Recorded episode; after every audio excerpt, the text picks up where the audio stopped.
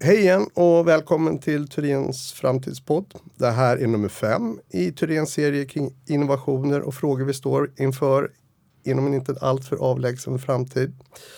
Den här gången handlar det om broar och även här är ju klimathotet, miljön och urbaniseringen faktorer som påverkar. Eh, det finns mycket att prata om, men jag vet att en faktor som kommer påverka vår infrastruktur är höghastighetstågen. De kommer att belasta våra broar med betydligt större krafter än dagens tåg. Och hur löser vi det? Och hur kommer man bygga broar i framtiden? Finns nya material eller konstruktionsmaterial? Ja, ni hör att det finns mycket att prata om. Och svaren på de här frågorna och några till hoppas jag få av de här två broexperterna som jag här sitter tillsammans med. På min högra sida finns Martin Olenius. Eh, och han är chef över både bro och AV-avdelningen på Turens. Och här till vänster så har jag hans kollega Mahir Ylker eh, som är teknisk doktor och brokonstruktör. Eh, varmt välkommen till vår bropodd båda två. Tackar. Eh, själv heter jag Peter Ankreus och har ju förmånen då att få vara med i det här samtalet och ställa några frågor till de här två brobyggarna Eh, vi pratade om hur de kunde vara både, man kan vara både mental och en, en eh, fysisk brobyggare. Martin och Mahir, eh, jag tänkte att ni kort skulle först eh, presentera er, inte bara eh, vilka ni är och vad ni gör utan också ert förhållande till broar. Hur ser ni på dessa brygger som sträcker sig över våra landskap? Och sen undrar jag om det finns någon bro ni har något särskilt förhållande till. Så om vi börjar med dig Mahir, eh, berätta lite vem du är och, och, och vad du gör. Ja, ålder är kanske inte relevant i sammanhanget men eh, jag har väl ägnat mig åt broar största delen av mitt yrkesverksamma liv och är främst intresserad av dynamiska aspekter av broar. Hur de svänger och hoppar helt enkelt när man belastar dem på olika sätt. Så jag har ägnat mycket tid åt att studera de här frågorna. Då. Så jag har ju gått i skolan ganska länge och även disputerat i just det ämnet. Då. Järnvägsbroar för höghastighetstrafik. Okej, det är det du har doktorerat i? Det är det. Okej, okay. spännande. Ja, det är mitt special. Hur var det när du var liten med och broar? Var det alltså, något som fascinerade då? Nej. Jo, absolut. Alltså, infrastrukturen överhuvudtaget har fascinerat hela, hela livet egentligen. Jag tycker det är häftigt med stora konstruktioner. Ja. Det är ballt. Så det, men, men även i, i det lilla så Alltså broar som vi har sagt tidigare här, mm. så det finns ju både mentala broar och och eh, fysiska broar. Då. Ja, mina tonår i alla fall präglades ganska mycket av ett sökande efter en väg i livet och allt sånt. Och mm. Det har väl fått mig att tänka mycket på olika religioner, olika sätt att se på livet och universum och allting. Och jag mm. tycker faktiskt även den delen är väldigt intressant. Jag gillar bron som analogi om man säger Just så. Det. Det, ja. Häftigt. Mm. Har du någon favoritbro? Um, favoritbro? Jag är lite inne på broar som jag själv varit inblandad i. Det finns jättemånga vackra broar ute i världen. Mm. Men just nu håller man på och bygger ett par gång och cykelbroar i Kallhäll. Som är de första broar jag har fått titta på dynamiken på och sådana grejer. Så de är ju väldigt spännande då. Hoppas man kan få mäta lite på dem och se om ja. våra prediktioner är riktiga. Ja. Men jag har en speciell bro på landet. Vi har ett landställe, jag och min sambo och våra två barn. Där vi har inget vatten, ingen el, ingenting. Det är bara helt en stuga liksom, som håller på att ätas upp av olika ohyror.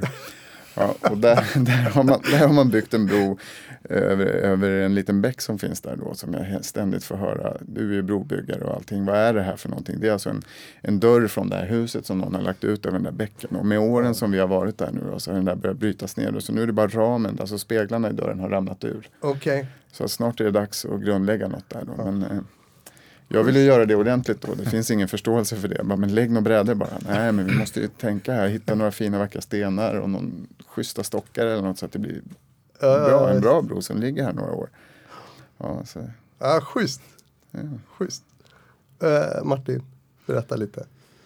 Ja, vem är jag? Det är uh, småbarnsförälder med visst kontrollbehov skulle jag nog säga. Uh, som tycker det är alldeles för kul när det händer väldigt mycket saker. Och det tror jag präglar mitt förhållningssätt till mycket. Eh, jag, säger, jag säger ja till det mesta, brukar jag säga ibland. Eh, det är mycket roligare att säga ja till saker och ting. Det, händer, det, det händer mycket mer eh, grejer då. Eh, Yrkesmässigt så jag, har delvis samma bakgrund som Mahir. Har också gått på KTH en gång i tiden.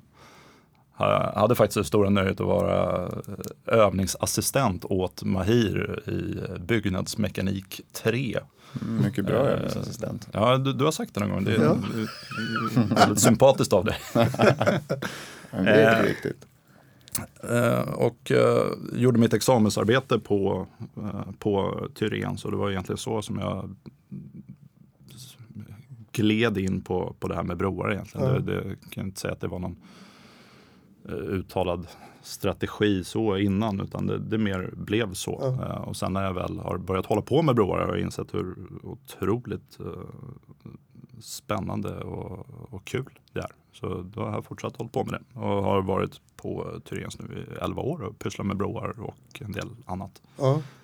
Jag vet att du håller på med VA också. Ja, precis. Det, vi kommer säkert tillbaka till det också, men jag, har fått den stora förmånen att få vidga mina vyer lite grann eh, inom VA-området i- Mm. sedan i höstas också. Eh, jättespännande. Favoritbro? Eh, alltså det är lite inne som Mahir, det finns ju fantastiskt många väldigt både vackra och spektakulära broar runt om i världen. Eh, men någonstans så blir det ju de man så att säga, känner lite extra för själv såklart är väl kanske de man själv har varit involverad i. Eh, så att jag har en, eh, en liten bro som heter Bro över Nissan vid Färjaryd. Eh, som absolut inte är någon spektakulär bro. Det är en 40 meter eh, lång eh, fritt upplagd samverkansbro. En väldigt vanlig bro skulle jag säga. Så, eh, på något sätt som vi har många av i Sverige. Men det var min första bro. Det var den första bron jag fick börja jobba med när jag började på Tyrens och konstruera. Eh, och det är klart, den, de, det etsar sig ju fast lite extra. Ja, det är klart det. Eh, så att, eh, det är väl den jag tänker på om jag ska försöka välja ut en. Ja, schysst. Annars har vi eh, vi har haft eh, ett projekt här nu i, höstas när vi har jobbat en del med, med några av eh, de lite större broarna i Stockholm, bland annat Västerbron. Och det är ju såklart det är väldigt roligt att få bekanta sig med den typen av, av broar också. Det är ju en lite mer känd bro som Mm. kanske många kan relatera till på, Mm. på ett annat sätt än bron över Nissan. Ja, ja, ja just, just. Ja, jag kommer ihåg, det var i Västerbron när, när den byggdes. Fick jag lära mig någon gång för länge sedan. Då visste folk inte riktigt om, hur, hur, om den skulle hålla eller inte. Nej. Och för att motbevisa det då, eller för att göra folk trygga så kommenderar man ut ett regemente va? och man- vagnar och hästar och som fick gå över först. Precis, Sen- det finns rätt mycket bilder och sånt från, från det, man Ja. provbelastar den. Eh, och det, var, det var ganska vanligt förr i tiden. Eh, jag tror inte man gör det alls. Jo, då, man gör Idag. provbelastningar. Svinesundsbron är ett exempel till Ja, exempel. Ja, just det. Men, men, men, men inte för att övertyga allmänheten. Jag tror Nej, att- utan mest för att verifiera att man... Ja, ja. Ja, just det. Ja. Ja. Okej hörni. Eh, att broar eh, var en stor, stor sak förr i tiden som Västerbron till exempel när den byggdes. Eh, då, då, då var det något nytt och revolutionärt. Eh, idag är det, ja nu ska de bygga en ny bro, det är inte så stor grej. Men är det någonting man inte tänker på tror ni som, som vanlig människa eller vanlig medborgare i, eller hur man reflekterar över broar idag. Är det något man inte tänker på tycker ni? Eller? En grej som jag tänker på som slog mig mycket under grundutbildningen och så här så och självklart som lekman så är de spektakulära broarna är ju spännande och stora och ofta arkitektoniskt väldigt trevligt utformade och så. Men i trafiksystemen så finns det mängder. De allra flesta broarna det är små helt anspråkslösa trotjänare som står någonstans mitt ute i skogen och Ja. utför ett jobb. Och ur trafiksystemets helhet sett så, så är ju de precis lika viktiga som de andra. Vilken bro som helst blir egentligen systemkritisk, i alla fall för järnvägen. Just, Och därför lägger vi mycket av krutet på att lära oss att förstå hur de enkla broarna fungerar. just. Så det, det är väl en aspekt som, som jag själv måste Ja. kämpa med hela tiden. Att det är, de är anspråkslösa men likväl mycket Aktier och viktiga. viktiga. Ja.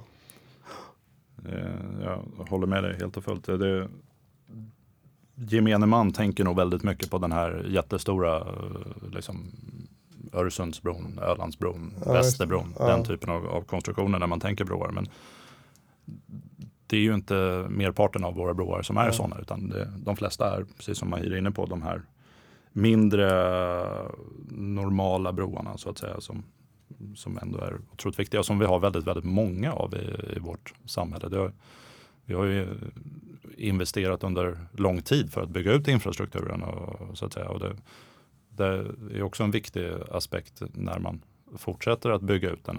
så att säga, beakta hur ser det befintliga beståndet ut och, och var, var, ska, var gör det bäst nytta att, så att säga, investera Ja, i nytt. Om man tänker på hur det skulle se ut ifall, ifall vi inte hade broarna. Ja, men det är en bra uppfinning. Eh, Vilka omvägar det skulle bli. Eh, Men, men eh, eh, trotjänarna. Och jag tänker, om, man tittar på, om man tittar i kristallkulan lite. Vi ska bli mer konkreta nu men det vore roligt med en framåtblick först. Eh, om man tänker i kristallkulan, hur kommer det, hur kommer det bli i, i, i framtiden? Alltså finns det dels bron som företeelse. Eh, kommer den, det, men det kommer flygande bilar nu har man sett på nätet och eh, massa saker. Kommer den att ha samma roll tror ni? Eller hur, hur ser, ja, vi kan titta både, både 15 och 100 år framåt liksom, för att ta ut svängarna riktigt. 15 och 100, alltså det är ju alltid det är roligt att spekulera i framtiden. Och jag har själv ett stort intresse för science fiction och brukar alltid resonera kring, det är, det är en klassisk sägning va? Man, för de som är intresserade av science fiction. Va? Så man tar Jules Verne som exempel. På 1800-talet skrev han en massa roliga böcker om en världsomsegling under havet och luftballongsfärd runt hela jorden och sådana här grejer som folk i princip skrattade åt Mm. och tyckte, ja, kul bok men liksom hallå, Mm. Hur är det egentligen? Ja just det, ställt där uppe. Ja, ja, funkar allting. Jag, jag får en, ja. Jo, men, men alla de där grejerna som han hittade på då, de finns ju idag. Och därför, jag menar, om, man, om man då betänker de miljöproblem och de ekonomiska problem som, som finns nu då som vi kämpar med. Lösningen på dem ligger ju någonstans i energifrågan och ny teknik. Så ser det ut i alla fall. Det, det är så vi försöker driva den här frågan på något globalt plan. Och då kan man väl tänka sig att när man väl börjar lösa de frågorna då kanske flygande bilar inte är en jättekonstig grej. Och då kanske i någon mening broar blir mindre relevanta åtminstone när det gäller liksom den här stora bulktransporten av människor och, och, och varor. Så jag är, jag är benägen att tro att broar möjligen, ska vi kunna bibehålla en så här stor befolkningsutveckling och en ekonomisk utveckling som är hållbar så måste vi börja transportera på ett smartare sätt. Ja. Och, och, ja, får man ta science fiction till hjälp då så tror jag att broar kommer bli Ja, mindre betydelsefulla. Det är jätteinspirerande. Och vi pratade om det innan också. eh, eh, Att man tänker på Blade Runner direkt. Hur, hur, hur det finns en gatunivå. Vi pratade om Tokyo, det får du berätta lite om Martin sen. Ja, precis. Det, Hur, hur, hur eh, stan fungerar i flera nivåer. Det gör, det gör, I Tokyo förstår jag så gör den det neråt mera. Eller även uppåt, förlåt. Ja, det beror på vad man börjar räkna Ja, egentligen. berätta Men, du. men jag, vet, det, jag ska inte säga att jag inte tror på science fiction-teorin. Den, den kan... Ja, du, Då är vi två nu mot får vi se om vi lever i hundra år till så får vi facit. Eh, men eh, jag tror vi har ju en, i många delar av världen en ganska så att säga, kraftig urbanisering, inte minst här i Sverige också. Men och med allt större och större städer, tätare städer så, så ökar ju vårt behov av att transportera både människor och varor på olika sätt. eh, Genom staden. inom staden, inom, på mer, eh, mer och mer trånga utrymmen också. Eh, och där tror jag broarna kommer att spela en än större roll eh, framöver än vad de gör idag. Eh, och det som du refererade till, eh, jag hade en stora nöjet att få vara i Tokyo i, i höstas och där tycker jag man kunde se rätt mycket av det. Man, att de i princip har ett transportsystem som, som ligger i, i flera plan redan idag. Det har man i många städer med tunnelbanor och sådana saker. Men även eh, i princip gångtrafik och biltrafik går väldigt stora delar av staden i, i flera olika nivåer med, med eh, så att säga, underjordiska gångtunnlar och sådana saker. Det, det, det tror jag kommer komma mer och mer av Ja. i, i många städer. Eh, innan, innan, vi börjar, innan vi börjar flyga eh, helt och hållet så, Ja. så tror jag behovet av eh, och för att hantera den typen av transporter så, så kommer broarna vara eh, än viktigare än vad Ja, de är idag skulle jag säga. För, för det pratade vi också om lite innan i vårt försnack. Hur, hur man kommer att förbinda skyskraporna kanske eller byggnaderna i staden. I, även i, i, i luften att man redan har gjort det. Det finns ju den här berömda, vad heter byggnaden där? Uh, Petronas Towers Just tänker det. du på där. De, är- de är ju väldigt eh, både kända och vackra byggnader med en, med en väldigt eh, fin eh, gångbro då i, i två plan mellan, mellan de här eh, Men, husen. men kom, kommer man som lekman då, om man tänker den befintliga staden. Är, är det möjligt att det, för de, där byggde man ju bron när man byggde mellan de, mellan de här två så byggde man ju det Mm. när man byggde skyskraporna. Men kommer man kunna hitta byggmetoder för att slå upp en, en, en bro mellan två befintliga skyskrapor, tror ni? Ja men definitivt. Alltså det, det, det kan man ju Mitt idag. inne i stan liksom. Ja, alltså rent tekniskt så är det ju, är det ju fullt hanterbart Det det. Med, med den kunskap vi har idag. Ja. Så att säga, det, jag skulle inte säga att den, där ligger nog inte den största utmaningen där, utan det är nog nästan i, så att säga, om man tittar i Sverige i alla fall, alltså kring eh, detaljplaneprocesser och sådana saker. Ja, för att faktiskt få, få möjligheten att göra det så att säga. Eh, Men, och, och göra Den lilla, saker. den lilla detaljen. Ja, som, som inte är så, så liten alla Nej, gånger, nej jag menar Nej. det. Den är ju ganska, ganska viktig och, och betydande. Eh, ja. Eh, om vi glider in på när vi, nu har vi tittat framåt, men när man tittar på nya material. Eh, jag vet att det finns nya material och ni ska få berätta om det. Men det som känns skönt eller lite hoppfullt är att det börjar komma upp eh, ur miljösynpunkt att det börjar komma upp alternativ till betongen. Eh, berätt, ni, ni, kan, ni får berätta lite om, om de här materialen som är på G. Alltså, Eller redan, det har bara- byggts redan. Eller hur, en del broar. så man försöker bygga mera broar av trä. Till exempel då. Som Av trä? Ja, det, det, det, det finns ju många träproducenter, som, eller flera svenska i alla fall, och även utländska träproducenter som är intresserade av att, att bygga träbroar. Men det är ju mindre broar oftast då man Ja. talar om. Hur stora kan man bygga i trä? Alltså man kan bygga ganska stora broar. Det finns ju till exempel en, en snedkabelbro som går över E4 borta vid Järna. Den borde ju ha i alla fall 50-60 Just meter det, spännvidd den där borta. där, ja. Just det. Så det går att göra en hel del med ett så klassiskt material Den är som trä. trä? Ja, den, den är av trä. Jaha. Sen tittar man ju också mycket på plaster då, framförallt fiberarmerad plast som alternativt material. Um, utöver det så, alltså byggbranschen som jag ser den i alla fall är ganska konservativ och, och betong och stål är de två beprövade material som, som vi har studerat mycket och vi vet hur vi ska bygga för att få det att hålla. Vi har typiskt en teknisk livslängd på 120 år då för väg och järnvägsbroar. Och de materialen kan vi så pass väl att vi kan visa för eh, en, en beställare att, att det går att bygga den här bron och att den kommer att hålla så länge. Så där, alltså innan de här alternativa materialen, kolfiber och så här, alltså verkligen framtidsmaterial kommer in på den marknaden så tror jag man kommer få kämpa ganska mycket faktiskt. Ja.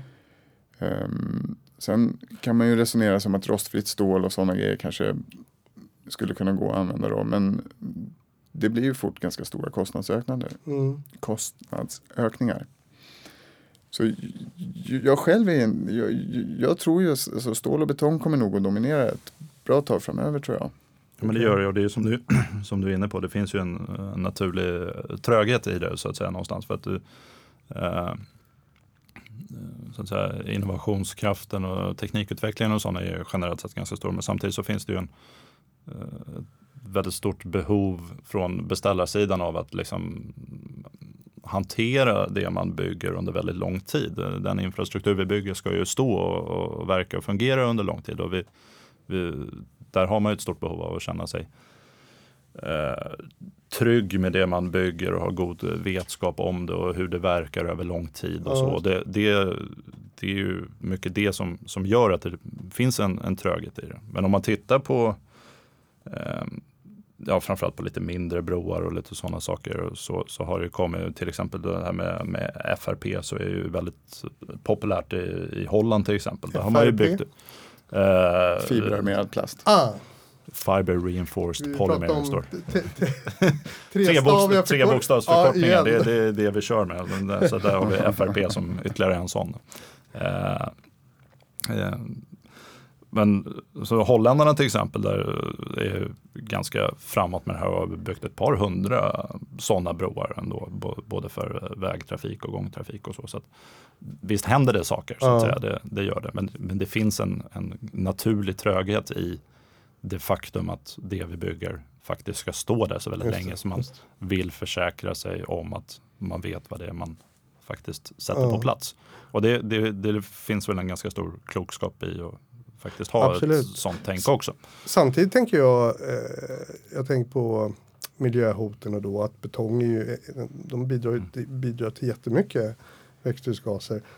så man tänker att bland, bland beslutsfattare och så att det borde vara en, en pådrivare för, det, att, för att det börjar bli, bli bråttom så att man kanske inte kommer att ha ha råd att vara kon- så, så konservativ, tänker jag. Och det känns ju hoppfullt. Och sen tänker jag på, eh, på, bara för att jag är road av det så har jag tittat lite på alternativa material, inte just när det gäller broar men överhuvudtaget. Men hur man börjar titta på na- hur naturen, de, de material som finns i naturen, till exempel spindelväv, hur det är uppbyggt och styrkan i det håller man nu på att försöka göra material av. Och då är det, då är det material som man framställer liksom i rumstemperatur och, och så. Det är, helt fantastiskt. Man tänker att den, den, den tekniska materialutvecklingen och miljöhotet tänker jag skulle, borde Men då måste man, vara i, man, måste få vara i, man måste få vara i spåkulan då. Ja. Om, man, om man ska få spacea ur liksom, och tänka, tänka spindelnät och sådana saker. Att det, det,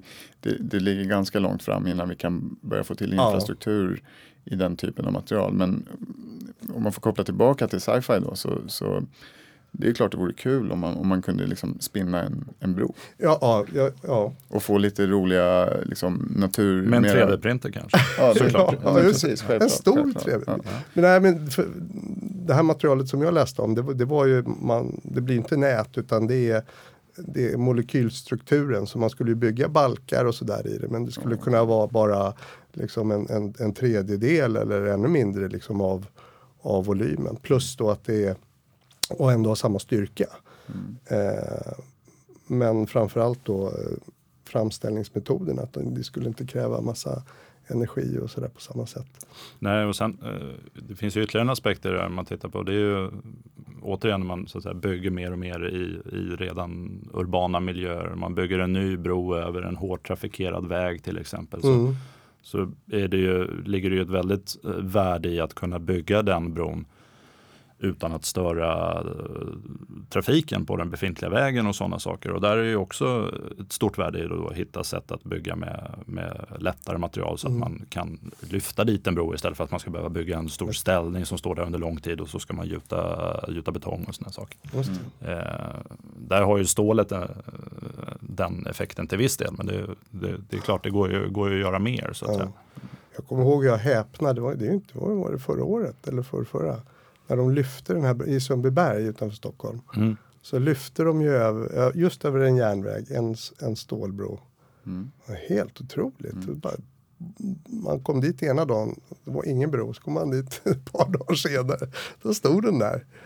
Eh, Det helt, ligger lite arbete bakom. ja, jag kan ju tänka mig det. Jag kan ju tänka mig det. Ja, det är intressant. Dels har vi sagt att, att eh, det finns en herrans massa broar i Sverige som man inte tänker på. Och som man kanske skulle skänka en tanke när man kör över. Men, men ehm, eh, att det finns många järnvägsbroar som har stått länge. Och sen så har vi den tekniska utvecklingen och önskemålen om höghastighetståg. Eh, hela den här situationen är intressant. Vad, det blir helt andra krafter. Eh, hur, vad, vad är de största utmaningarna ser ni i, i det om vi ska prata broar och höghastighetståg? Oj, ja, det, det är nog svårt att plocka ut den största, men det, jag tror det finns många utmaningar. Vi behöver inte rangordna dem Nej, kanske. tack. Skönt. Nej, men jag tror det finns många utmaningar givetvis. Det ena är, och det är ju det vi har börjat göra nu i Sverige och vi har så att säga börjat titta på. Det är som man har gjort på många andra delar av världen, att man bygger höghastighetståg på helt nya banor. Eh, hittills har vi försökt att köra kanske lite snabbare och med lite tyngre tåg och så på, på våra befintliga banor. Men mm. det vi håller på med nu är att vi faktiskt börjar bygga ut eh, ett helt nytt bansystem så att säga, avsett just för höghastighetstrafiken. Okay. Eh, och, och, det är klart, det, det ligger ju en, en jätteutmaning i det såklart, så som processen som sådan. Att, så att säga, bygga, hitta var och hur och, och när och finansiering och massa den Just typen det. av aspekter såklart. Men sen så finns ju givetvis de, de rent tekniska aspekterna mm. eh, som kommer också. Vad, eh, vad händer med våra broar när vi kör snabbare på dem? Eh, där kommer ju såklart eh, Mahirs specialområde dynamiken in eh, på ett helt mm. annat sätt än, än vad vi har varit vana vid att behöva hantera tidigare. Det. Eh, för att det blir en mer och mer betydande faktor när man kör eh, med eh, högre hastigheter. Så, ja. Eh, så det är ju ytterligare en aspekt. Eh, nu är man inne på det i projektet Ostlänken som vi håller på med till exempel. Då, så man är inne på att Uh, Okej, okay, vi ska börja bygga eh, ballastfritt uh, spår. Uh, vi, alla våra spår som är idag i princip är ballasterade spår. Det blir också andra frågeställningar med hur man ska hantera det. Det fick jag lära mig det. Det hade ingenting med, med det som ballast i båtar utan det här det är själva som man lägger rälsen på. Ja, just det. Mm. Traditionellt så har man lagt spåret i en eh, i en hög stenar helt enkelt. Ja, Med syftet att man lätt ska kunna eh, rikta om spåret så att det ligger, ligger på ett bra sätt. Då. Det. Och det, det är ett bra sätt att bygga spår på egentligen men det kräver en hel del underhåll. Då. Så med jämna mellanrum så måste man åka runt där längs banan och, och rikta om spåret. Så idén med de här ballastfria spåren är att man bygger en, en, en, en stabilare undergrund för spåret och sen så gjuter man egentligen upp någonting som liknar mycket mer en, en, en vägkropp än en spårkropp, då, än en mm. traditionell spårkropp. Och då tänker man sig att man, man flyttar underhållskostnaden då för att rikta om spåret till lite grann mer på investeringssidan för det kostar ju mer att bygga ett sånt här ballastfritt spår. Just det. Uh, och det är väl en, en i mångt och mycket bra idé men det är ju inte så pass beprövat att man har liksom sett en sån bana över hela dess livslängd. Så det faktiska under, de faktiska underhållskostnaderna kommer ju att bli starkt beroende av investeringskostnaderna så att man gör ett riktigt bra grundjobb. Mm. För gör man det inte då så, så kommer ju underhållskostnaderna att bli, tror jag, mycket större. Slarvar man med under, underbyggnaden där då så, så, så blir det dyrt. Då blir det jättedyrt. Ja. Ja. Men, men det som du säger Martin att, att eh, man kommer att bygga separata spår för höghastighets. Är det de här eh, som är där man har, jobbar med magnetfält och det eller, eller för, för det, man kommer väl köra höghastighetståg på befintliga banor också eller? Alltså, har jag det, fattat det är ju två frågor på, på en gång där som du kör på. Va? Ma, där, du, Maglev finns ju en typ av tågbanor som bygger på, på magnetiska fält och att man liksom, ja, lyfter hela tåget från spåret mm. och, och flyttar det med hjälp av att styra de här elektromagnetiska krafterna. Det är ju fantastiskt spacade grejer som, som man, det finns ett par stycken sådana eh, banor i världen då som är eh, tagna i trafik och fungerar bra. Men det är inte sånt vi håller på med här Nej. i Sverige utan det är traditionellt spårbunden trafik. Men planen är att man, man ska jobba med sådana här ballastfria spår istället okay. för, för ballasterade spår. Men, men då när höghastighetståget kommer till eh, en bro som kanske byggdes på 60-talet mm. för att ta ett årtal eh, eller ett decennium. Eh, det, det, här, det är ju helt andra krafter. Hur, hur möter man den här problematiken. Alltså det är ju då den där andra frågan. Alltså, ja. Man har ju gjort en ganska stor utredning för att kolla på våra befintliga banor om möjligheten att öka hastigheten på tågtrafiken där. Mm. Och det är ju ett välkänt faktum att våra befintliga banor är överbelastade med tåg för de är ofta försenade. Det Just kan det. ingen säga något annat om. Och den utredningen mynnade väl ut i att kostnaden att uppgradera befintliga banor skulle bli alldeles för stor jämfört med att bygga en ny bana. Så nu har man ju då fattat ett beslut om att bygga ny höghastighetstrafik mellan Stockholm, Göteborg och okay. Malmö då, som ett första steg i en utbyggnad av, av en höghastighets, okay. svensk höghastighetsbana. Moderatorn är inte påläst. Det hör jag. Ja, men, men den är ju väldigt intressant den där frågan vad vi ska göra med vår befintliga bana och Ja. hur vi kan uppgradera den. För när man väl avlastar den då från den eh, stora liksom, persontransporttrafiken då som förhoppningen ju är att de nya banorna ska ta över mycket av den trafiken. Ja, Då, då, då finns det ju utrymme att kanske börja utnyttja den på ett smartare sätt. just. Och det är väl egentligen det som jag tycker är väldigt spännande. Just alltså kunna gå, identifiera vilka broar som är känsliga Mm. och, och göra en lagom omfattande undersökning på var och en av de där broarna för att hitta rimliga och bra kostnadseffektiva åtgärder för att kunna kanske öka då både laster och hastigheter Just på det. de befintliga banorna också. Just det. Så vi- vissa vet man kommer, vissa broar kommer inte funka, andra kanske man kan göra förstärkande, eh, ja, ja, för- förstärka broarna. Precis. Just det. Men det är ju, det låter som eh, det finns mycket pengar att spara där eftersom om, om man hittar de här broarna eftersom det är ganska dyrt att bygga en ny. Eller? Ja, men det, så är det. Det är ju klart att eh, kan man, och framförallt så kan man ju komma ganska långt genom att bara göra lite, så att säga, ytterligare utredningar om, om en befintlig konstruktion. Kanske man gör en, så att säga, en fördjupad beräkning som man kanske kompletterar med, med mätningar och, Mm. och sådana saker. Så att vi Mm. faktiskt vet vad händer med den här bron i verkligheten. För någon gång när, när, man, byggde, när man byggde sin konstruktion så har man ju räknat på den på något sätt. Och det, så gör vi alltid när vi räknar på våra konstruktioner. Så Mm gör vi en, en modell av verkligheten. Vi gör någon form av förenkling av verkligheten för att kunna räkna på det. Eh, och eh, den, den förenklingen var ju en, en än större förenkling eh, om vi går 40 år bakåt i tiden än vad vi behöver göra idag. För idag har vi mer eh, så att säga, avancerade verktyg till vår hjälp för att kunna så att säga, mer noggrant eh, modellera verkligheten och mer noggrant göra våra beräkningar på våra konstruktioner. Så att idag har vi ju verktygen för att så att säga, hemma på vår kammare sitta och räkna på konstruktionerna mer Mm. detaljerat och faktiskt få en mer exakt bild av eh, hur, hur beter sig den här. Och det kan vi också göra såklart eh, på våra befintliga och på våra befintliga broar så kan vi också verifiera det på ett helt annat sätt genom att vi kan ju faktiskt gå ut och till exempel mäta på broarna. Hur mycket rör den här bron på sig? Hur, hur, hur beter den sig? Vilket vi då också kan så att säga, använda den kunskapen till att göra än mer noggranna beräkningar. Och bara med hjälp av, av det då, så att säga, på vår kammare kunna konstatera att jo, men den här bron den klarar av att vi kör lite snabbare på den. Den klarar av att vi kör med lite tyngre tåg och sådana det. saker. Eh, så, att, så vi kan ju göra mycket där och det är ju klart, om vi klarar det utan att man behöver så att säga, gå ut och göra några fysiska förändringar på bron så, så har man ju givetvis Just det, sparat Just en det. massa man pengar. kan göra bättre mätningar helt enkelt. Ja, Bara det, just det, jag förstår. det, det är ju värt att lägga några konsulttimmar på att slippa riva och bygga en ny bro. Ja, just så. det. Precis. Men här vi pratade om, om det i försnacket och jag tappar hakan lite.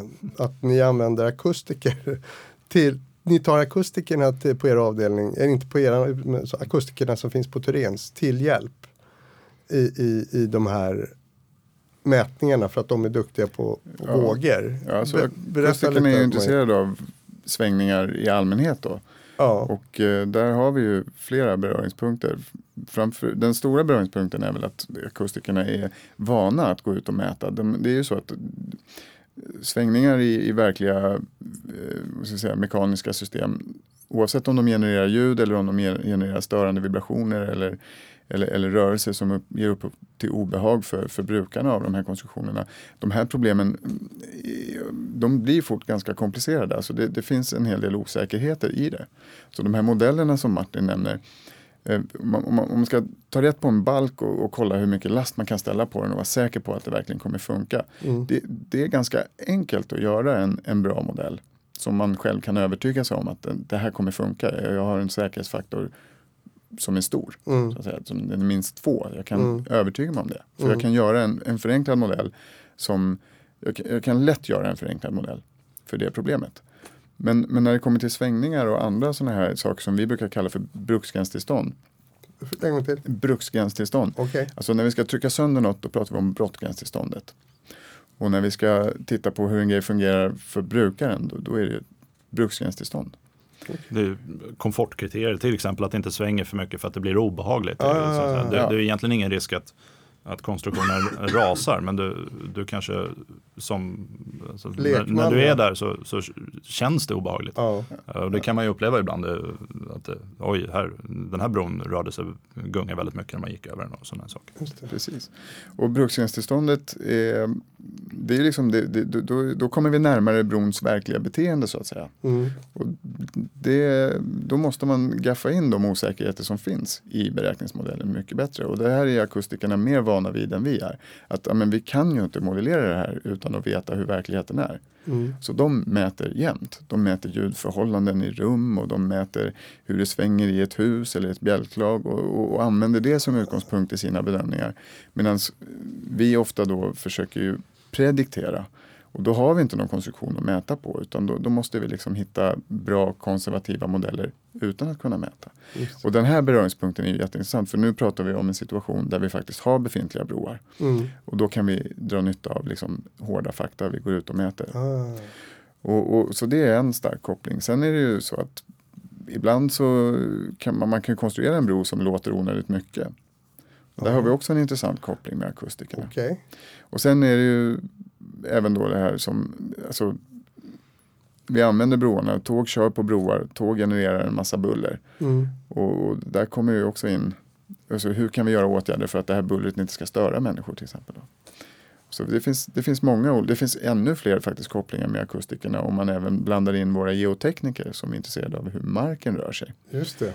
För att det uppstår ju även vågor i marken när man belastar en konstruktion med en dynamisk last. Och de här vågorna kan ju röra sig iväg till möjligen en, ett sjukhus eller någon annan byggnad där man har känslig utrustning. Ja. Och, och, och tro det eller ej, men en, en magnetröntgenkamera till exempel, de, de kräver ju eh, att de, de får inte utsättas för vibrationer större än en viss hastighet. Aha. Eller, Ja, Acceleration. styrka. Ja. och det där måste man ju ha koll på, annars får man ju bara ut dåliga bilder ur den där. Så när vi nu planerar för en ny höghastighetsbana så måste vi även ta höjd för sådana frågeställningar. Så vi får inte störa omgivningen med den här banan. Nej, just det. Så att det finns jättemånga intressanta samverkansområden där då om man blandar in akustiker. Och som jag sa förut, ni har ju så roligt jobb. Mm. Det är Ja. ju jävligt spännande. Eh, ja. ja, det tänker man ju verkligen inte på när man, när man som vanlig lekman när man eh, ser en bro eller ett bygge. Hur, my- att man måste tänka på omgivningen, vibrationer i marken, alltså så långt bort. Mm. Där har du ju också, du sitter och tänker, jag tänker på många grejer, jag vet inte vilken jag ska haka i på, men jag tänker det, det, eh, det här med, med buller, det, det blir ju också, alltså, man bygger, vi bygger ju återigen mer och mer i, i urbana miljöer också, just samspelet mellan, mellan oss och akustikerna för att liksom hantera eh, bulleråtgärder för våra nya järnvägar i, i de urbana miljöerna. Där har du ju också en, eh, en utmaning för det är, ju, det är ju rätt långa sträckor också. Det är, det är ju rätt många, så att säga, det, är- en rätt stor investering eh, hela den här utbyggnaden. Givetvis av själva tågspåret men också av säga, bullerreducerande åtgärder. Hur kan vi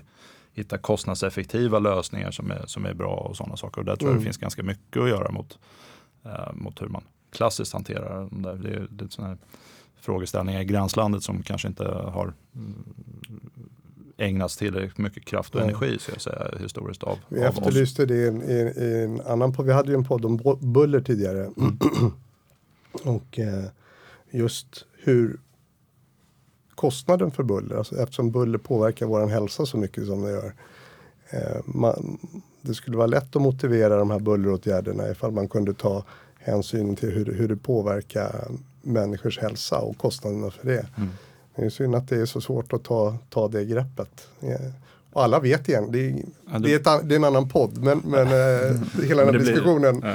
Men, men det är, Det blir, det blir ganska, det är ganska abstrakta siffror någonstans. Mm. Ja, det är ju det. det, det är där man landar i såklart. Precis, man, man kan göra någon kalkyl då över okej, vad kostar det där? Det går ju såklart att räkna på. Det, sånt gör man ju i sammanhang. Men sen så har man att väga så att säga, nyttan då mot när man står de facto och ska göra en, en ren investering. Mm. För då har du ju en väldigt faktisk kostnad. Okej, men det här har en, den här investeringskostnaden. Nu, nu ska de här pengarna på ett eller annat sätt fram. Eh, och då är de väldigt mycket verkligare så att säga. Mm. Och där har man ju också det, inom hela infrastruktur sektorn skulle jag säga också en utmaning att väga liksom, så att säga, investeringskostnaden kost, kontra kanske en livscykelkostnad då, som vi ändå börjar bli lite duktigare på att försöka titta mer på för att, så att säga, göra våra investeringar så att de är lönsamma så att säga, sett över hela deras livstid. Det kanske mm. inte ska bara fokusera på att det ska vara så billigt som möjligt att bygga utan det man väga in underhåll av dem, eh, miljöaspekter och andra saker. Eh, så att det ur ett livscykelperspektiv blir den mest eh, lönsamma investeringen vi kan göra. Så att säga. Och då kanske det behöver vara lite dyrare att bygga just nu, men vi tjänar på det, samhället tjänar på det över tid. Men det där är ju väldigt svårt för att även om vi så att säga, är det dyrare att bygga nu? Den kostnaden måste vi så att säga, ta nu när vi gör investeringen. Men vi kanske tjänar på det om 50 år. Och, uh, och hitta modeller för hur, hur man så att säga, värderar det och finansierar det. Det är en ganska stor utmaning i sig. Ja, det är jätteintressant. Och jag sitter här och tänker, ja, man, man eh, sam, eh, ni samarbetar med KTH och sådär. Men jag tänker, ja man kanske ska samarbeta med Handelshögskolan. Alltså mm. för att få, få den ekonomiska aspekten. Löser man det där, eh, då har man ju ett Nobelpris säkert. Kanske. Ja, nu är vi inne mm. på skolor. Eh, Tyrens Broakademi. Ja. Finns. Det, det och, nu sträcker Martin på sig här. ja, det är hans Det är hans baby. Ja. Nej, precis. Den, eh, Får berätta. För det är ett bra initiativ. Det är det, det jag, som jag försökte förklara för dig förut att det är så svårt att beskriva den kort. Eh, jag kan prata så otroligt länge om det. Men eh, Tyrens broakademi var ju någonting vi, vi drog igång eh, 2011. Eh, och det är då ett eh, traineeprogram för brokonstruktörer. och jag skulle säga det, det unika med den, det finns ju många traineeprogram i, eh, även i vår bransch. Men det, det unika med, med Broakademin skulle jag säga som skiljer sig från i princip alla andra är att här är vi väldigt, väldigt fokuserade på säga, ett teknikområde, på, på brokonstruktören. Det, det, vi försöker så att säga försöker förmedla hela paletten av vad yrkesrollen innebär. Eh, det historiska eller det klassiska sättet som man lär sig eh, vår yrkesroll på är att man Först har man givetvis gått i skolan och man har fått sin så att säga, teoretiska skolning från skolan, vilket är skolans arbetsuppgift. Ge, ge den grunden och den basen. Sen kommer man ut i arbetslivet och ska så att säga lära sig yrket. Mm. Vad gör jag? Och, och, det får man lära sig genom att jobba i projekt. Man kommer in i ett projekt, man jobbar, man jobbar med några, så att säga, ofta då såklart äldre, mer rutinerade kollegor och så lär man sig lite av dem. Eh, och sen så är det klart och sen så kommer man in i nästa projekt och så får man jobba där och så får man lära sig lite och så nästa projekt. Just det. Eh, så och, det, det, förlåt, gör jag det när jag går i skolan eller? Är det nej, det, det, här är, nej, det, utan det är när du, när du har börjat jobba så att säga. Det, okay. det är lite så vi klassiskt utvecklas som, ja. som konstruktörer. Så att säga. Man kommer in, man börjar jobba i ett projekt och så lär man sig saker och ting. Ja. Så att säga, hur, hur funkar grejer? Eh, kopplat till det projektet och relaterat till de människorna man jobbar med där. Och sen så kommer man in i nästa och nästa och nästa. Och det, det är ju på ett sätt så att säga, såklart ett väldigt naturligt sätt att lära sig eh, en yrkesroll. Eh, och, men den, den, stora nackdelen med det någonstans är att man, det blir, det blir någonstans väldigt ad hoc vad man lär sig. Och man, för det är väldigt styrt av de projekt man lite grann råkar komma in i. Eh, och eh, man kan hålla på ganska länge innan man har hunnit eh, prova på så att säga, alla delar av yrkesrollen. Så det, det, kan gå rätt lång tid innan man får den här helheten, innan man får helhetsbilden och faktiskt förstår var, vilket sammanhang råkar jag befinna mig i nu? Varför gör jag det jag gör just nu? Och hur hänger det ihop med allting annat? Så det vi försöker göra då, eller det vi gör då i vår Broakademi, är att vi så att säga 80 procent av tiden eh, får våra elever då jobba som vanligt i projekt. Det är där man lägger merparten av sin tid. Men sen så har vi under Broakademin där de får lägga 20 procent av sin tid under, under ett år. Okay. Eh, så, så att säga ger vi dem så att säga, en introduktion till hela paletten av Just. yrkesrollen redan, redan från början. Ad hocen. Eh, precis. så, här, så, här ser hela, så här ser hela yrket ut. Eh, allt ifrån eh, vår, våra beställare, där givetvis Trafikverket är en jättestor beställare och, Ja. och påverkar oss väldigt mycket i så säga, hur ser deras process ut, hur jobbar de och, och vad är det som styr hur en väg eller en järnväg faktiskt blir till och vad är det man behöver göra i, i olika skeden av byggande av, av vår infrastruktur eh, och våra broar. Eh, till eh, arkitekter som berättar om hur der, deras syn på, på en bro och hur det funkar. Ner till hur gör vi? Så att säga. Det, som jag var inne på. I skolan har man ju fått då den, sin teoretiska duvning.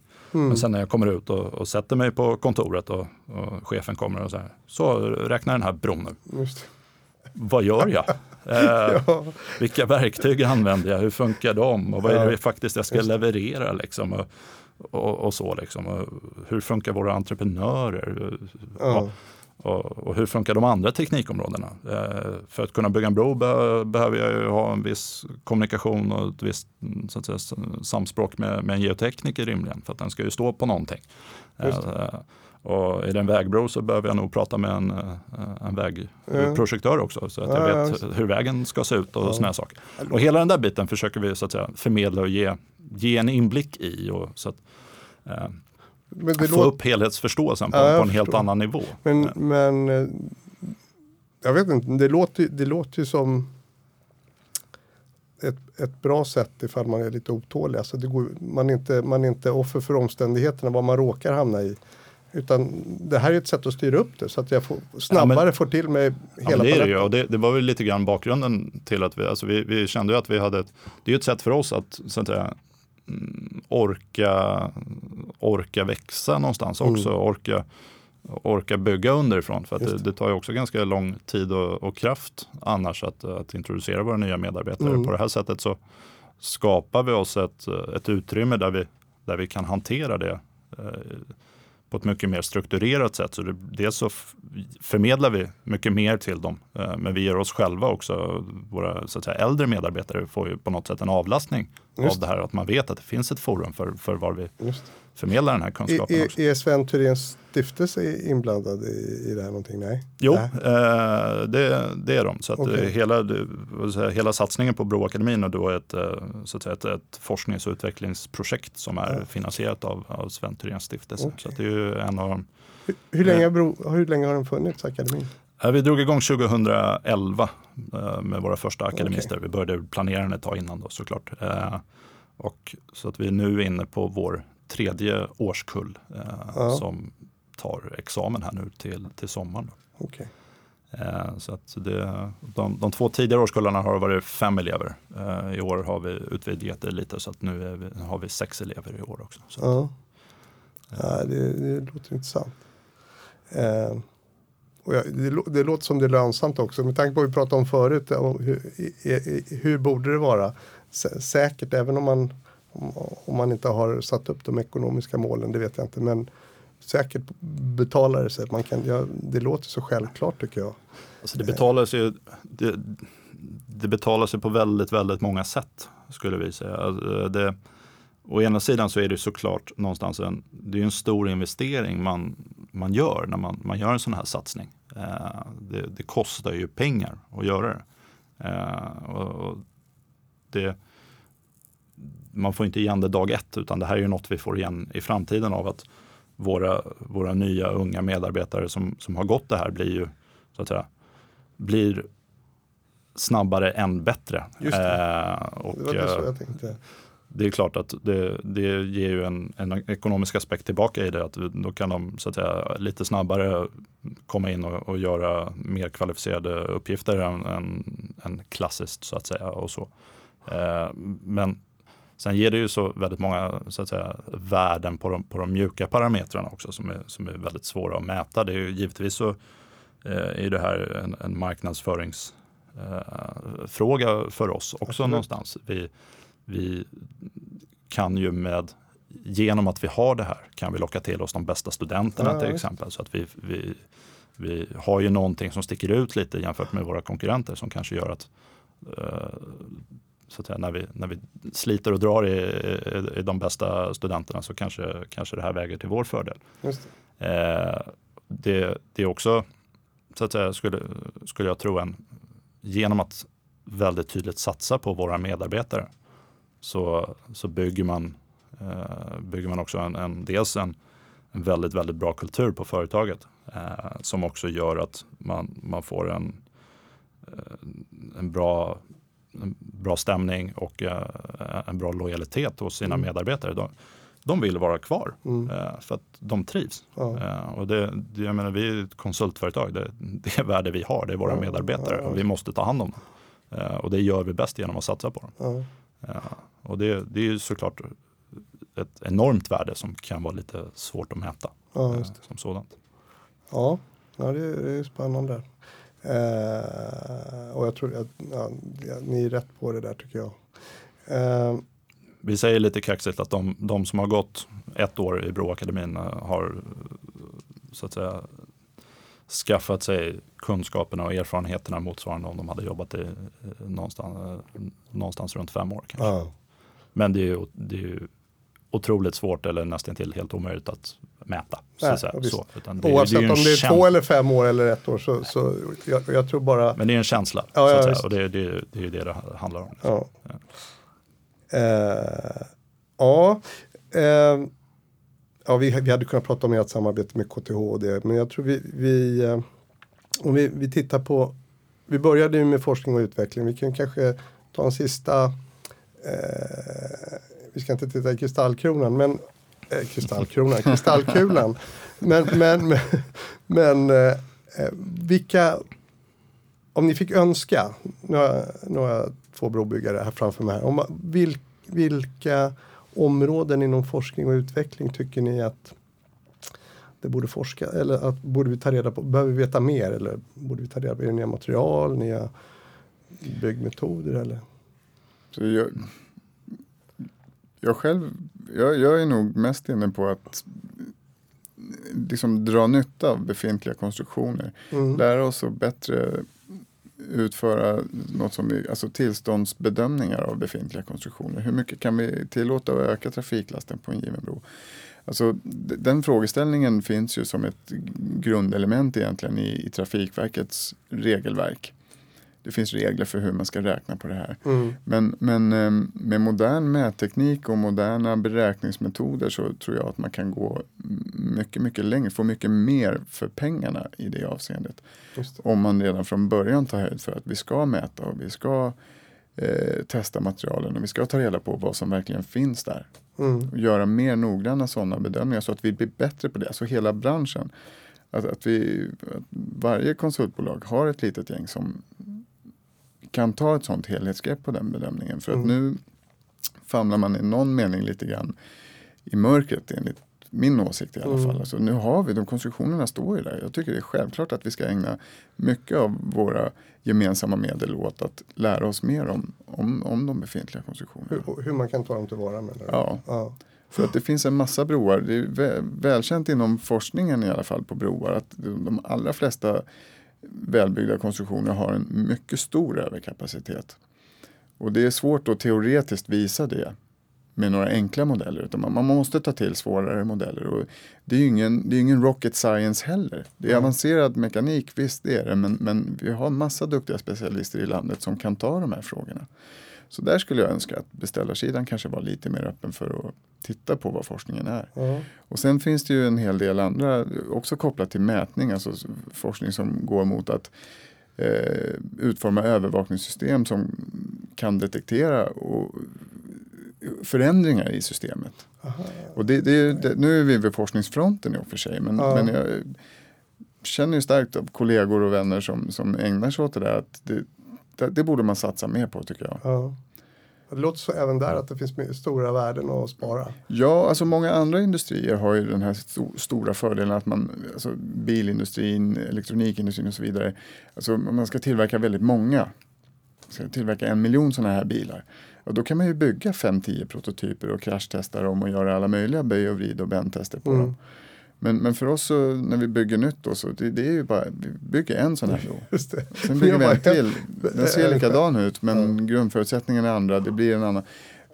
Det är lite jobbigt för oss då. Mm.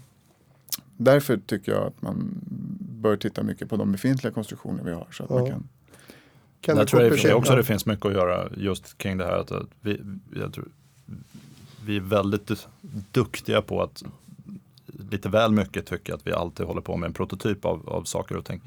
Eh, och, och där tror jag också även forskningsmässigt att man skulle kunna göra mer kring alltså, hur vi eh, för det är ju också ett av Trafikverkets eh, stora övergripande mål. Hur kan vi öka produktiviteten i byggbranschen och sådana saker. Och, Mm. och liksom, eh, saker kopplat till det och, och från andra industrier då med det industrialiserade byggandet och, och, och plattformstänkande och sådana där saker. Och hur, hur kan vi göra mer inom de här sakerna för att bli bättre på så att säga att eh, öka vår repeti, repeti, repetitivitet. Så det var ett sjukt svårt ord. Eh, Men, alltså, alltså, Bra gjort. Eh, vi har en tendens att eh, så ofta så att säga, någonstans börja från ett blankt papper. Ja. Eh, och, och där tror jag att vi kan många gånger bli väldigt mycket bättre på att flytta fram våra positioner utifrån var vi börjar. Att vi, alltid, att vi har mer avancerade och bättre system för att alltid börja från en, eh, en be, en best practice. Så att säga. Att man, man höjer nivån för var man börjar. Oerhört stora värden där också, det förstår man. Ja, nej, jätte, jätteintressant.